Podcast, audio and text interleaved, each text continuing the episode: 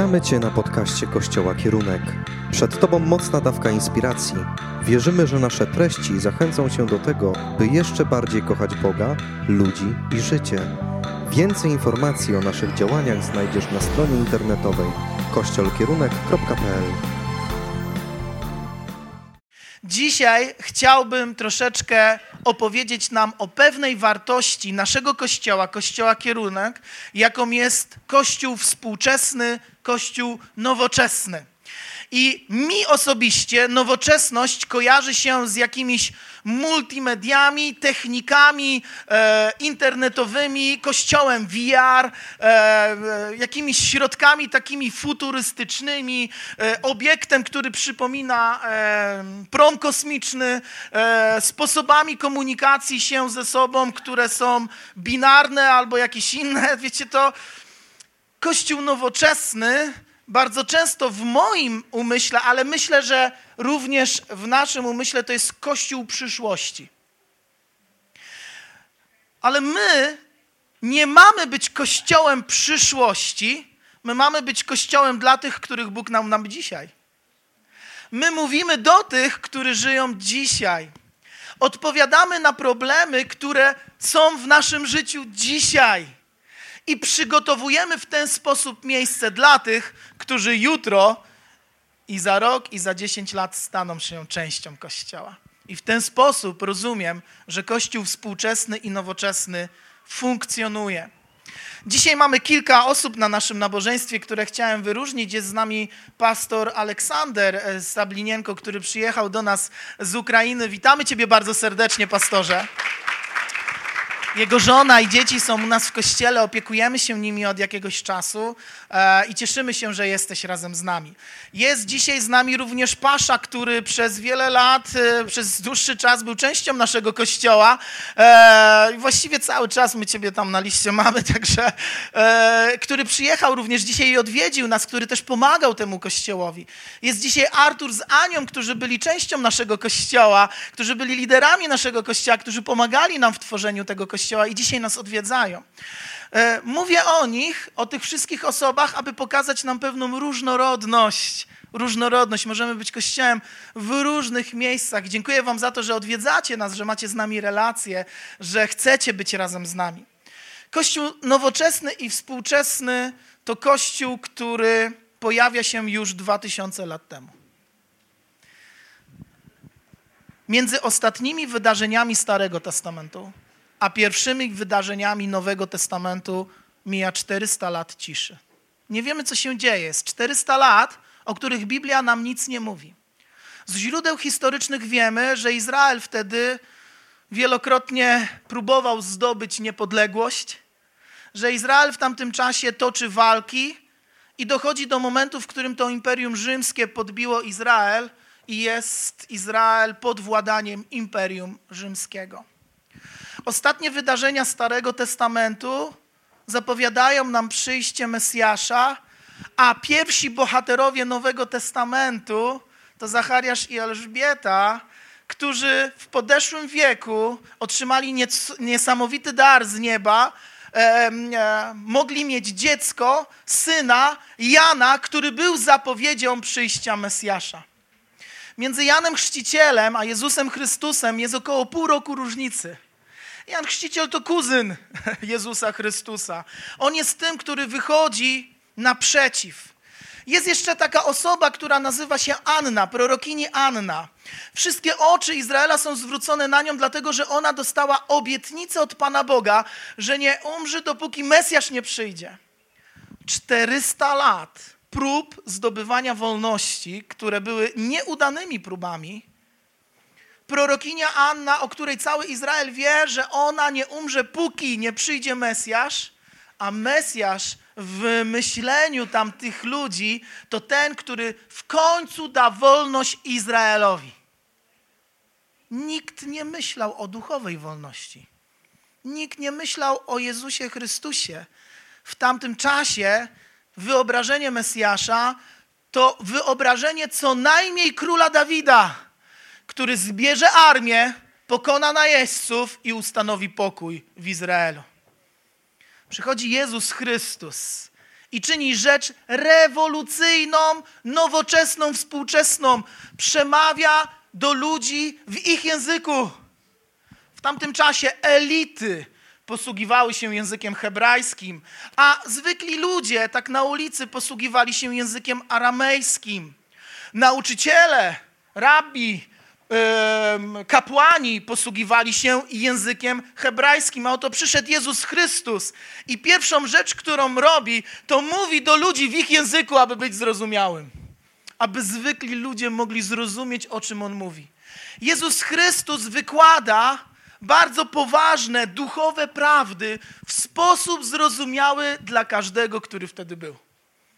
To go odróżniało od innych i to było rewolucyjne. Ci, którzy mieli tytuły naukowe, ci, którzy nazywali się wtedy faryzeuszami, sadyceuszami, elita tamtego społeczeństwa, mieli problem z Jezusem Chrystusem, bo Jezus w żaden sposób nie nawiązywał do nich, a jednak swoją mądrością i swoim wpływem przewyższał ich wszystkich. Zupełnie rewolucyjna myśl. Jezus, który nie robi różnicy między kobietą a mężczyzną, Jezus, który wyznacza sobie uczniów, to nie uczniowie muszą zasłużyć na względy Jezusa, ale to Jezus jest tym, który wyznacza sobie uczniów, to jest zupełnie coś innego. Jezus, który głosi miłosierdzie, i Jezus, który w tak szalonych czasach mówi: kochaj swojego bliźniego, jakbyś kochał siebie samego. I Pana Boga, a właściwie na odwrót, kochaj Pana Boga i bliźniego, jak siebie samego. Jezus Chrystus czyni niesamowite rzeczy, bo On nie tylko fajnie mówi, ale w Nim jest jeszcze moc. Co było zupełnym złamaniem konwenansów w tamtych czasach. Wtedy mądrość mogła przekonać kogoś na prawo czy na lewo, na tą stronę czy na inną. Krasomóstwo, sztuka przemówień publicznych. To było to, co przekonywało ludzi, a oto przychodzi Jezus Chrystus, mówi o uzdrowieniu z nieba, nakłada ręce na chorych i ci zostają uzdrowieni. Wow! Wow, to jest coś niesamowitego. Kościół, który jest pełen mocy Ducha Świętego, staje się w tamtym czasie kościołem bardzo nowoczesnym. Swoją myślą wyprzedzającym czasy, a jednak swoim językiem mówiący do ludzi, którzy są tu i teraz. Kiedy Jezus Chrystus umiera i zmartwychwstaje, kiedy Jezus Chrystus wstępuje do nieba, uczniowie z grupą naśladowców oczekują Ducha Świętego i wstępuje Duch Święty na nich. Inny pocieszyciel, bo Bóg jest w Trójcy jedyny. Amen. Amen. Jezus, kiedy mówił, mówił o sobie, że jest synem i że mówi wszystko to, co ojciec mu przekazuje, a sam do uczniów powiedział: I nie zostawię was samych, ale dam wam innego pocieszyciela. W moje miejsce przyjdzie i będzie razem z wami ducha prawdy. Świat go poznać nie może, bo go nie zna, ale wy go znacie, bo przebywa wśród was, bo ja jestem wśród was. My i ojciec jedno jesteśmy. Ja jestem pocieszycielem. Duch Święty jest pocieszycielem. To jest piękne. Opowiada to o trójcy, której też nie da się wyjaśnić. Możemy porównać ją do czegoś. Tą relację. Czy Bóg jest jeden? Czy Bogów jest trzech? Dzisiaj takie pytanie sobie wiele ludzi zadaje. Jest to wyjątkowe w Bogu właśnie, w Trójcy jedynym, że jedyne co możemy zrobić to tylko porównać do czegoś, a i tak to porównanie nie będzie właściwe albo nie będzie pełne. Dlaczego? Bo Bóg jest wyjątkowy, jest tylko jeden taki. Jest tylko jedne. Jeżeli coś jest unikatowe, to możemy to porównać do czegoś, ale to nigdy nie odniesie się w całości. I my również dzisiaj próbujemy Pana Boga porównać do czegoś, ale On jest jeden, jedyny w Trójcy i ciężko nam jest to pojąć, zrozumieć, wyjaśnić, musimy to przyjąć, że ten wyjątkowy Stworzyciel świata, że ten wyjątkowy Ojciec Wszechmogący, Zbawiciel, Syn, Ojciec i Duch Święty są po prostu z nami. Tacy są. Mamy pierwszy opis Kościoła, który bardzo mówi nam o pewnej współczesności i współczesnej formie i zupełnie innej formie Kościoła tamtych czasów. Pierwszy opis Kościoła w takim rozumieniu, jak my dzisiaj go mamy, jest zapisany w Dziejach Apostolskich w drugim rozdziale, w 42 wierszu do 47 będę czytał. Duch Święty został dany człowiekowi, apostoł Piotr głosi Ewangelię. Tego dnia nawraca się, samych mężczyzn nawróciło się wtedy 3000 osób. I oto jest pierwszy opis tej nowo nawróconej wspólnoty, tego pierwszego kościoła. Trwali oni w nauce apostołów, we wspólnocie. Razem łamali chleb i nie ustawali w modlitwie. Każda osoba była przejęta lękiem przed Panem, ponieważ za sprawą apostołów działo się wiele znaków i cudów. A wszyscy wierzący trzymali się razem i mieli wszystko wspólne. Sprzebawali przy tym posiadłości oraz mienie i uzyskane w ten sposób środki dzielili między sobą, zgodnie z tym, jaką kto miał potrzebę. Codziennie też jednomyślnie gromadzili się w świątyni, a łamiąc chleb po domach, przyjmowali pokarm z wielką radością i w prostocie serca. Wielbili przy tym Boga i cieszyli się łaskawym przyjęciem u całego ludu. Pan natomiast codziennie dodawał do ich grona tych, którzy dostępowali zbawienia. Jest to pierwszy opis tamtych wydarzeń. I znowu, chciałbym, abyśmy zrozumieli, Kościele, że ten fragment nie jest przepisem kulinarnym. Czyli to nie, nie bierzemy tego fragmentu i mówimy, aha, szczypta soli, 10 gram e, tego, robimy dokładnie tak, jak tu jest napisane, bo to jest przepis na to, jak powinien funkcjonować Kościół. Nie. Jest to opis tego, jak Kościół wtedy funkcjonował. Tak? Wy, którzy macie Thermomixa, trochę łatwiej jest te wszystkie gramatury zrobić, bo to urządzenie ma wagę w sobie, tak? Thermomix, Lidlomix, tam różne są te miksy. Tak? Tam jest waga i wtedy można co do grama zrobić pewien przepis. Ten opis nie jest takim przepisem. On pokazuje nam i opisuje tamte wydarzenia, ale z tego opisu możemy wywnioskować dla siebie dzisiaj wiele biblijnych prawd.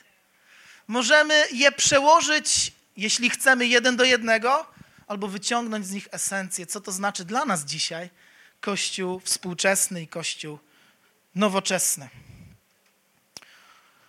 Po pierwsze, język. Język i jeszcze raz język.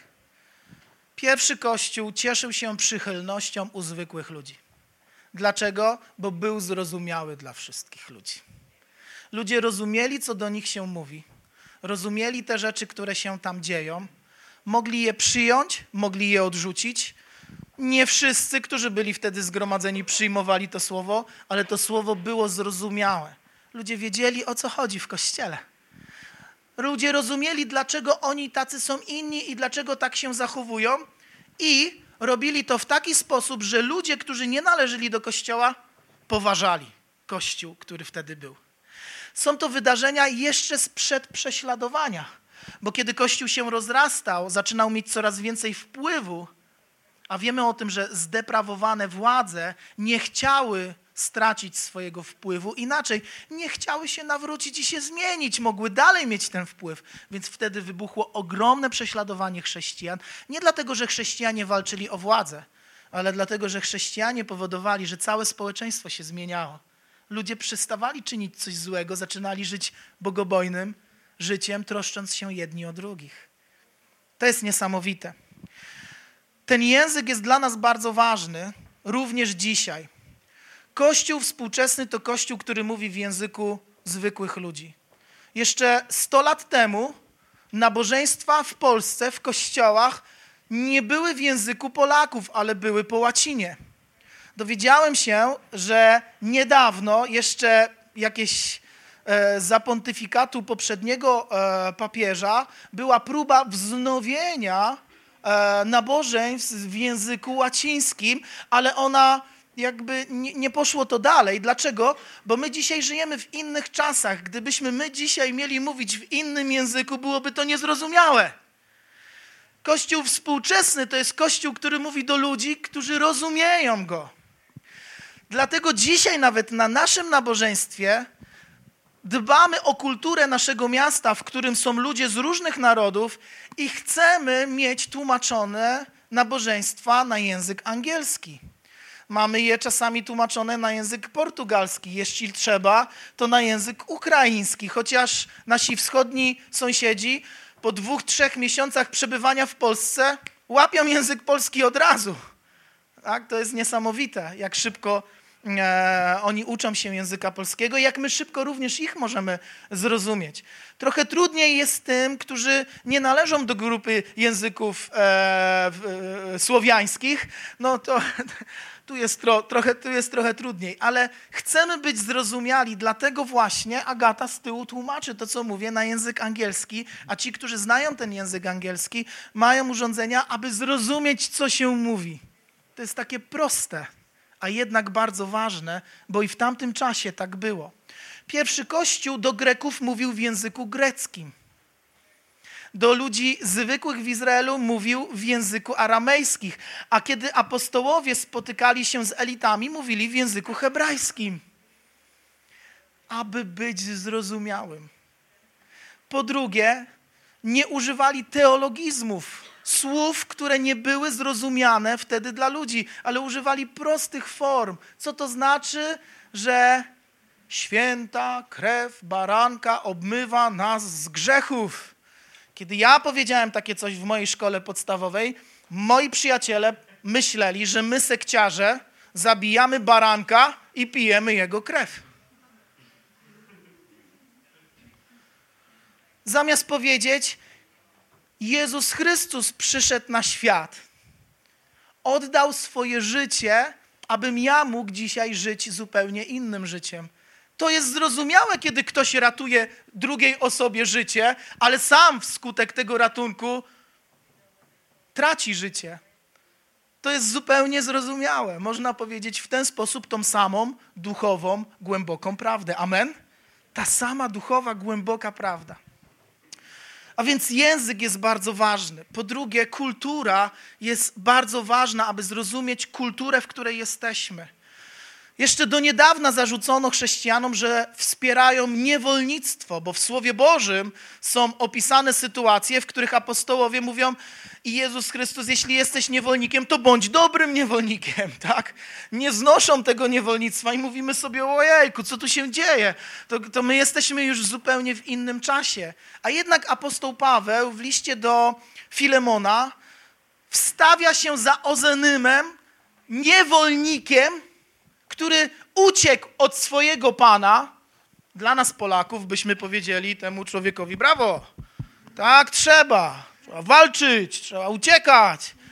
A oto apostoł mówi, on się nawrócił i jest gotowy wrócić do ciebie, ale ty, Filemonie, nie przyjmuj go jako niewolnika, ale przyjmij go jako swojego brata w Chrystusie. Wow! Na tamte czasy to było tak rewolucyjne, że szok. Jak w tamtych czasach traktowano sprawę emancypacji kobiet, jak równouprawnienia. Z jednej strony mamy fragment, który mówi: Dziewczyny, siedźcie cicho, bo rozwalacie nabożeństwo. Tak? Bo są rzeczy, się zakazuje mówić. Z jednej strony jest taki porządek, nawet my, kiedy mieliśmy odprawę, to ja trzy razy powtarzałem, słuchajcie, kończymy już, proszę wróćmy tutaj z powrotem na to miejsce, bo za chwilę zaczynamy nabożeństwo. Dzisiaj nawet e, Beata Sanela mówi, witam bardzo serdecznie, proszę usiądźmy już, tak, nie rozmawiajmy. Nawet ja podszedłem do tyłu i musiałem naszych ludzi powiedzieć, słuchajcie, czy nie widzicie odliczania, halo, wsiadamy do przodu, nie rozmawiamy, tylko zaczynamy nasze nabożeństwo. To jest zupełnie normalne. Ale jak pierwszy Kościół później traktował to? Czytamy o córkach Filipa, prorokiniach. Cztery córki, które by prorokowały. Wiemy o tym, że pierwszy Kościół bardzo szanował proroctwo. Apostoł Paweł mówi o tym, że fajnie, że mówicie innymi językami, fajnie, że pewne rzeczy robicie, ale jeszcze bardziej chciałbym, żebyście prorokowali, bo to służy zbudowaniu czego? Zboru, kościoła. Nie sądzę, że dziewczyny pisały na tabliczkach, pergaminie albo jakichś innych słowo, a tata to czytał, tak? Bo nie, prawdopodobnie stanęły naprzeciwko kościoła i powiedziały, otrzymałyśmy słowo prorocze i przekazywały to słowo prorocze kościołowi. Czytamy o Pryscylli i Akwili, małżeństwie, które razem prowadziło Kościół.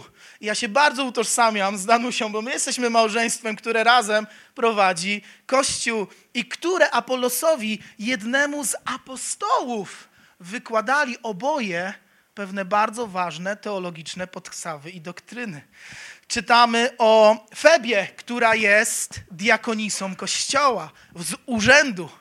Wiecie, a więc Słowo Boże pokazuje nam również to, że to było jak na tamte czasy bardzo rewolucyjne. Czasy się zmieniały, a ten temat nadal wydaje się rewolucyjny, prawda? Już nad niewolnictwem przeszliśmy krok dalej, tak? Już jesteśmy dalej, już nie rozmawiamy o tym i nie, i nie dyskutujemy dzisiaj, żeby wrócić z powrotem do niewolnictwa, bo tak jest napisane, że niewolnik powinien być dobrym niewolnikiem, tak? Więc wierzę również, że w tej materii Kościół współczesny to jest Kościół odpowiadający na tą potrzebę tego, że jesteśmy przed Bogiem jedno. Każdy z nas ma swoje zadania. Kobieta różni się od mężczyzny, mężczyzna od kobiety. Koniec, kropka. To po prostu widać. Się różnimy od siebie i przez te różnice mamy też różne zadania. Moja żona jest w wielu kwestiach lepsza ode mnie i to są jej zadania, jej obdarowania. I wiecie, to by było głupie, gdybym ja próbował wejść w jej buty i w jej miejsce i to robić. To samo jest ze mną w pewnych kwestiach. To ja jestem tym, który ma zupełnie inne doświadczenie i umiejętności. I byłoby to dziwne, gdyby Danusia próbowała w nie wejść, bo to nie byłoby mądre. To nie byłoby mądre wchodzić w czyjąś skórę. Musimy to zrozumieć ale jednak przed Bogiem mamy otwarte bramy. Mamy otwarte bramy do naszej posługi, do naszego obdarowania, do modlitwy, do słowa. Przed Bogiem jesteśmy w pięciorakiej służbie, o której czytamy w Słowie Bożym, równi. Amen? Amen. Dalej. Kościół jest miejscem, Kościół nowoczesny jest miejscem przede wszystkim, w którym dzieją się niesamowite rzeczy duchowe. Kościół tradycyjny, ten, który w Izraelu był wcześniej, był kościołem nauki. Był kościołem uczenia się Słowa Bożego na pamięć, był kościołem prawa, był kościołem Tory, e, był kościołem Talmudu, był kościołem, gdzie ta litera miała znaczenie. I oto przychodzi Jezus Chrystus, powstaje nowy kościół, w którym moc Boża ma znaczenie w którym modlitwa o chorych ma znaczenie i ci chorzy są uzdrowieni. I Jezus Chrystus przychodzi i robi pewną rewolucję i mówi: To jest Kościół współczesny. Jezus Chrystus przyszedł na świat, aby zbawić grzeszników, z których ja jestem pierwszy, mówi apostoł Paweł. Ja też to biorę. To zbawienie nie jest zbawieniem intelektu, ale to zbawienie jest zbawieniem życia. Moje życie zostało zbawione. Nie mój umysł tylko, a cała reszta nie, ale po prostu moje życie, wszystkie aspekty mojego życia. I Kościół nowoczesny, Kościół współczesny to Kościół, który dba o tą duchową sferę jakości, który nigdy nie przejdzie do sfery tylko i wyłącznie teologizmu, e, teologii, intelektu, ale który dba również o to, aby nasz duch miał relację z Duchem Bożym. Amen? To jest ważne. W kościele wzrastasz duchowo i otrzymujesz poznanie prawdy, aby nie błądzić. W kościele nie jesteś sam. To, co czytaliśmy w tym fragmencie Słowa Bożego, pokazuje się, że to nie jest kościół niedzielny. To nie jest kościół, który zgromadza się tylko w jednym miejscu, ale to jest kościół, który odwiedza się w domach, który ma spotkania modlitewne w mniejszym gronie. Ja wierzę w to, że Kościół powinien być duży i historycy są zgodni, że w tym najlepszym okresie Jerozolima, połowa Jerozolimy należała do Jezusa Chrystusa, to byli chrześcijanie, połowa miasta. Jeżeli połowa miasta należała do Jezusa Chrystusa, nie było już żadnego budynku, w którym to miasto mogłoby się spotkać, a więc czytamy również w Biblii, że spotykali się za murami miasta, aby móc wszyscy razem się spotkać, ale również spotykali się w małych grupach, aby mieć ze sobą relacje. Kościół współczesny to kościół, który ma jedno i drugie. Spotykamy się w mniejszym gronie, bo potrzebujemy siebie nawzajem, w grupach domowych, w służbach, ale również spotykamy się w niedzielę, bo potrzebujemy razem wszyscy oddać chwałę Bogu i zaśpiewać pieśń dla Pana głośno, mocno i razem. Kościół daje siłę w modlitwie, jest bezpiecznym miejscem do naprawy. W kościele czujesz się bezpiecznie, masz wpływ jeden dla drugiego. Mamy wpływ jeden na drugiego, czujemy się bezpiecznie. To, co dzisiaj Beata powiedziała, uczę się również tego, że osoby, które słuchają innej muzyki, wyglądają inaczej, mają inny światopogląd, są ciekawe do poznania. Są ciekawe do zrozumienia. że to, że ktoś jest inny, to nie oznacza zaraz, że jest zły. Mnie pożera ciekawość, aby poznawać ludzi. Zawsze to było ciekawe, że w mojej szkole, w podstawowej, zawodowej, liceum i na studiach, ja byłem tą osobą, która łączyła różnego rodzaju osoby ze sobą, które normalnie by się nie spotkały, a mi nie przeszkadzało to, że jeden jest z takiej subkultury, a drugi jest z innej subkultury. Po prostu jesteśmy razem. I to jest piękne, że w tym kościele, w kościele kierunek, obok siebie siedzą osoby, które inaczej głosowały. O, teraz zrozumieliśmy. Jest, siadło. Popatrz na prawo i na lewo. Popatrz do tyłu i do przodu. Uwierz mi, na pewno jest tam osoba, która inaczej głosowała niż ty. A dalej możemy w jedności, w uprzejmości być razem. Ale naprawa błędów to nie jest kwestia głosowania, ale jeśli jest atmosfera, w której szanujemy swoją odrębność i szanujemy siebie nawzajem, to też jest atmosfera do tego, aby podejść i powiedzieć: Słuchajcie, kochani, narozrabiałem, potrzebuję pomocy. Kościół, który mówi innym językiem, kościół, gdzie elity duchowe są tu, a cała reszta jest tam, nikt nigdy nie otworzy swojego serca, aby wyznać, że coś narozrabiał. Ale kościół, który jest blisko siebie, to jest ten kościół, w którym jeden przyjdzie do drugiego i powie: Słuchajcie, pomóżcie mi, narozrabiałem, ja potrzebuję, żeby Pan Bóg mi teraz pomógł. I nie zostanie ta osoba osądzona, naznaczona, wyrzucona, ale zostanie jej udzielona pomoc. Stosowna do problemu. Czasami za pewne grzechy i za pewne sprawy musimy ponieść konsekwencje. Nie ponośmy ich sami. Potrzebujemy siebie nawzajem. Czasami są to sprawy, które my zrobiliśmy, a czasami nie mieliśmy na to wpływu, bo to ktoś inny narozrabiał, a nam się oberwało. Potrzebujemy wtedy również Kościoła. W kościele każdy zna swoje powołanie. Kościół jest miejscem schronienia od świeckiego stylu życia, gdzie szacunek i miłość górują nad korporacyjnym traktowaniem człowieka. Kościół to nie jest organizacja, w której każdy ma chodzić jak zegarek, a jeżeli ktoś się spóźni, ktoś nawali, to będzie kara. Ale Kościół to organizm, to rodzina.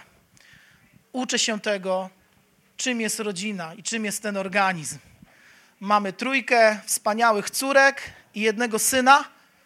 Jest nas głośno, mieszkamy w, wydaje się, małym, za małym mieszkaniu, więc co, chwilę się o siebie ocieramy. Tam między nami mocno skrzy. Ja potrafię być tak, tak uprzejmy i tak miły do was, ale potrafię też tak się wydrzeć, że głowa mała. Jestem cholerykiem. Ci, którzy wiedzą, co to znaczy, to Przyjdźcie do mnie po nabożeństwie, poklepcie mnie po plecach, powiedzcie, że też tak macie. też tak macie. Ale w organizmie właśnie jest to, że nie wszystko jest poukładane, nie wszystko jest idealne, nie wszystko jest gdzieś tam, więc ta miłość i szacunek, ona musi być, bo inaczej pozabijamy siebie nawzajem.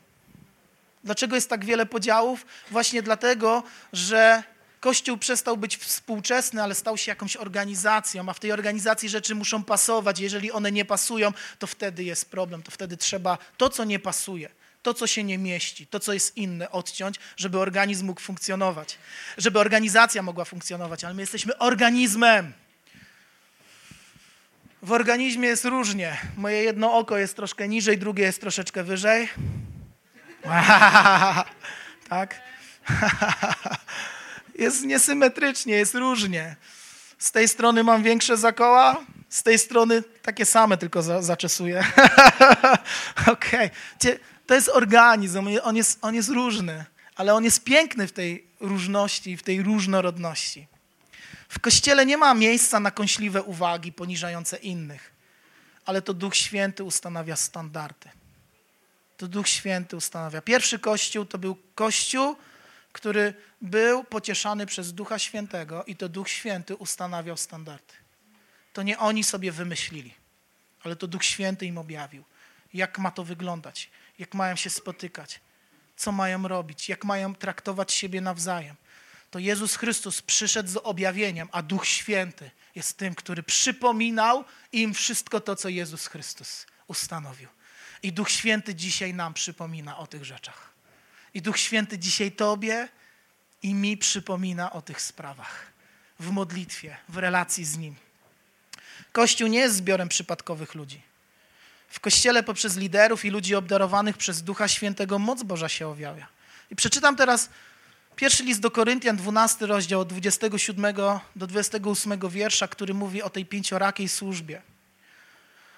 Tam słowa wypowiadane są tak. Wy zaś jesteście ciałem Chrystusowym, a z osobna członkami. I Bóg ustanowił w Kościele najpierw apostołów, powtórę proroków, po trzecie nauczycieli, następnie moc czynienia cudów, potem dar uzdrawiania, niesienia pomoców, kierowania, różne języki. Kościół nie jest zbiorem przypadkowych ludzi, jest tu, jest tu dużo więcej opisanych rzeczy. To nie jest, ten opis nie dotyczy się tylko i wyłącznie mężczyzn. Ten opis nie dotyczy się tylko i wyłącznie kobiet. Ten opis nie dotyczy się tylko i wyłącznie młodych, tylko i wyłącznie dojrzałych.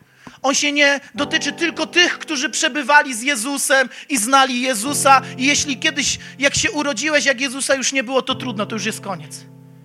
Ten opis nie dotyczy się tylko i wyłącznie tamtych czasów, ale on pokazuje o wielkim bogactwie Jezusa Chrystusa dla nas dzisiaj, dla współczesnych. Czym jest Kościół nowoczesny? Czym jest Kościół nowoczesny? Co to znaczy, że Kościół jest współczesny, nowoczesny? Co to znaczy? To znaczy, że pewne rzeczy się nie zmieniają, a pewne ulegają zmianie ciągle. Cały czas. Jest nowa moda.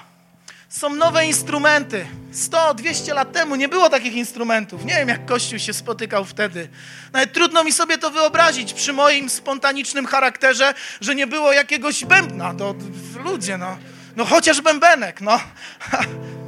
Ale ja pamiętam, kiedy, ja, wiecie, ja mam 43 lata, ale jako ośmiolatek przeprowadziliśmy się z rodzicami do Janowic Wielkich i pamiętam ten moment, kiedy Kościół musiał dojrzeć do instrumentów, bo jeszcze instrumentów nie wolno było mieć, bo instrumenty to jeszcze nie wiemy, czy one są z nieba, czy nie. Nie wiemy, to ani to harfa, ani to lira, tak jak przy, przynajmniej, przynajmniej w Biblii to takie są no to na trąbkę to się zgodzili, bo było w psalmie, że będziesz trąbił, no to dobra, to na trąbkę się zgodzili. Ale gitara! Ja wam powiem, co ja zrobiłem z perkusją. Ja kiedyś kupiłem starą, rozwalającą się perkusję, bo będzie konferencja młodzieżowa. I na tą konferencję młodzieżową przywieźliśmy tą perkusję, no to się Kościół zgodził, dobra, to konferencja. A później w niedzielę użyłem takiej sztuczki i powiedziałem, słuchajcie, nie uwierzycie, nie uwierzycie, dostaliśmy ją i możemy już ją mieć. Ona już nie musi wracać. Chwała Bogu! I, i szybko zszedłem.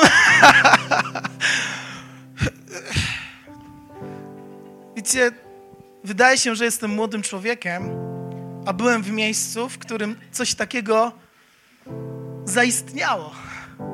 A więc są pewne rzeczy, które się zmieniają w Kościele. I one muszą się zmieniać, żeby Kościół był współczesny. To jest nasz język, to są formy przekazu współczesne. Jeszcze niedawno nie wyobrażaliśmy sobie, jak Kościół może docierać z Ewangelią do ludzi przez monitory komputerów, telewizory i różnych innych. Jeszcze niedawno mieliśmy w samochodach radia na kasetę, później na płytę, teraz już nawet tego nie ma. To nie jest potrzebne, to wszystko się zmienia. A więc to również może ulec zmianie ale są rzeczy, które nie ulegają zmianie i dalej są współczesne. To jest moc Ducha Świętego, o którą Kościół musi zadbać. To jest Boże Słowo, które jest dla nas wyjaśnieniem. To jest nasze współczesne tłumaczenie tego Słowa Bożego, które pozwala nam czytać je w naszym własnym języku, w naszej kulturze w którym nie ma takich słów jak zali wżdy i jakieś inne, bo młodzież nie rozumie starego polskiego języka w którym e, nie ma o miękkiego, tylko jest ły, tak? Wiecie, są takie rzeczy, to się zmienia również. Więc ten język również się zmienia i nasze słowo dostosowuje się do tego języka, ale prawdy biblijne są niezmienne. To, o co dbał pierwszy Kościół, zostaje również dla nas dzisiaj. To jest o moc Ducha Świętego. O moc Ducha Świętego. O to, aby też, o ile to od nas zależy, cieszyć się dobrą opinią o innych o to, aby Kościół cały czas był odbiciem Chrystusa. a następna rzecz, te wszystkie inne się zmieniają. Pamiętam kościół, w którym byłem, w którym była dyskusja, dlaczego nie ma krzyża u was. Jak nie ma krzyża, to nie jest kościół. Pamiętam kościół, w którym byłem, była taka wielka kazalnica, taka, wiecie, ambona taka. Jak zmieniliśmy ją na coś bardziej poręcznego, to powiedziano, no jak była ambona, to były kazania. A teraz jej nie ma, to są tylko opowiadania. Ci sami mówcy. Rozumiemy tą zmianę. Są rzeczy, które mają się zmieniać i my jako Kościół musimy być współcześni, musimy być nowocześni, musimy wychodzić temu naprzeciw. I kolejna rzecz to to, że o Kościół trzeba dbać. List do Efezjan, 5 rozdział, 29 wiersz mówią, albowiem nikt nigdy ciała swojego nie miał w nienawiści, ale je żywi, pielęgnuje, jak Chrystus Kościół. On jest tym, który o nas dba. Pierwszy. On jest tym, który zadbał o mnie i moją żonę. A następnie my próbujemy zadbać o Was. Dbamy o siebie nawzajem, bo Chrystus dba o nas. Dlatego też Kościół nie jest miejscem, do którego możemy przynieść starą szafę, stary dywan, stary telewizor, bo komuś się może to jeszcze przydać. Jeżeli uważasz, że to jest fajne i się może przydać, to zostaw to u siebie, a do kościoła przynieś to nowe. Skoro to jest takie fajne, jeszcze się komuś przyda, to zostaw to u siebie, a do kościoła przynieś to nowe. Pamiętam jeden ze zborów, w którym rozpoczynaliśmy naszą służbę. Na samym środku miał taki dywan podarowany dawno, dawno temu przez kogoś.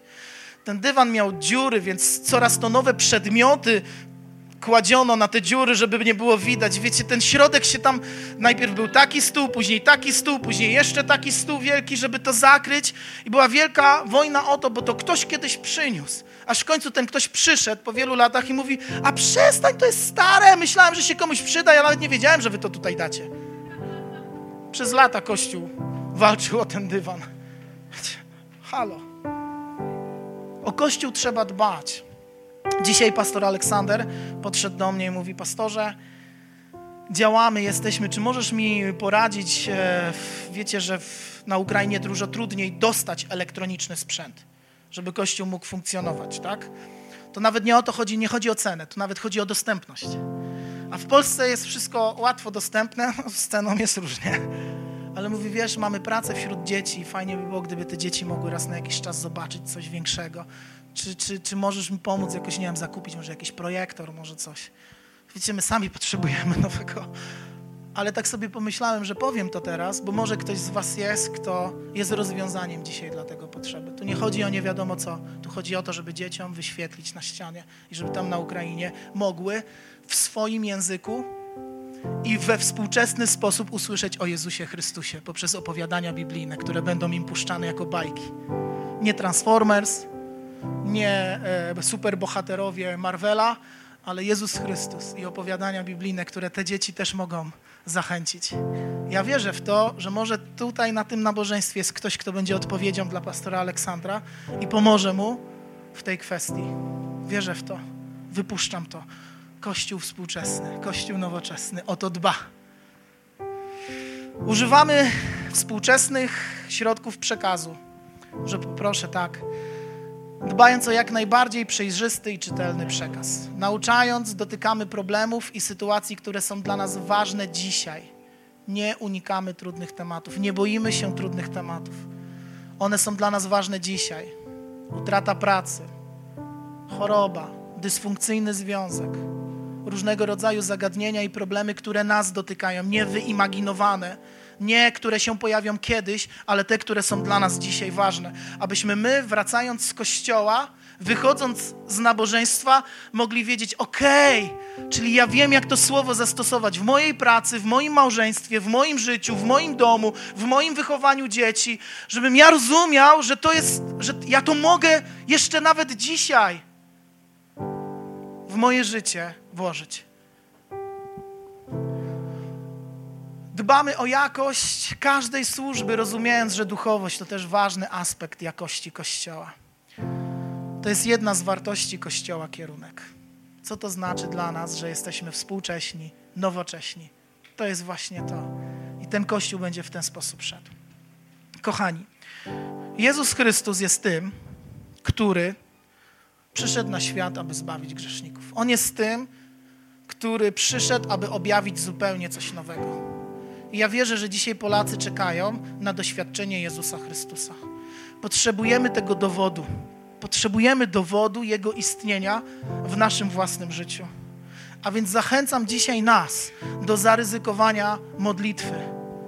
Do zaryzykowania modlitwy, Jezu, jestem gotów, abyś działał w moim życiu. Do pomodlenia się i poproszenia, Jezu, jestem gotów doświadczyć Cię w XXI wieku. Ja wiem, że Ty kiedyś uzdrawiałeś, ale ja chcę doświadczyć Ciebie dzisiaj, w moim życiu, życiu moich bliskich, mojej rodziny. Czy możesz uzdrowić? Czy możesz błogosławić? Czy możesz naprawić? Czy możesz przyjść dzisiaj do mojego życia?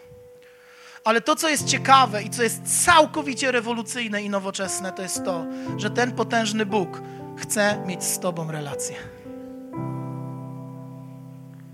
Jezu, chciałbym dzisiaj zacząć przygodę z Tobą. Jezu, chciałbym Ciebie poznać. W naszej kulturze, jeśli ktoś rozmawia z Bogiem, jest od razu odsyłany do szpitala psychiatrycznego, bo on słyszy głosy. Tak, rozmawia z Bogiem, słyszy głosy. Ale głos Boży to nie tylko taki mówiony głos, ale to są sytuacje, to są okoliczności, to są różnego rodzaju ludzie. To jest modlitwa, którą mamy z Panem Bogiem, to są nasze emocje, uczucia. Głos Boży to nie tylko to, że teraz nagle anioł tutaj stanie i przemówi do nas. Prawdopodobnie połowa z nas by stąd wyszła i powiedziała: No, kiepski był ten performance. Takie rzeczy już miały miejsce. I Pan Bóg mówi: Aniołów wysyłałem, proroków wysyłałem. Nic nie dało. Bo tacy jesteśmy. Naturalną naszą rzeczą w życiu jest to, aby wątpić. Przez to się rozwijamy, bo dajemy pod wątpliwość i wtedy badamy sprawy, przez to się społeczeństwo rozwija. A więc dzisiaj zachęcam Ciebie, zawołaj do Pana Boga i rozpocznij tą przygodę z Nim, z Jezusem Chrystusem. Amen. Bardzo nam miło, że zostałeś z nami do końca. Jeśli chciałbyś poznać nas osobiście, zapraszamy Cię w każdą niedzielę o godzinie 11. Aby dowiedzieć się więcej o nas i naszych działaniach, odwiedź stronę internetową kościolkierunek.pl. Kochamy Boga, kochamy ludzi, kochamy życie.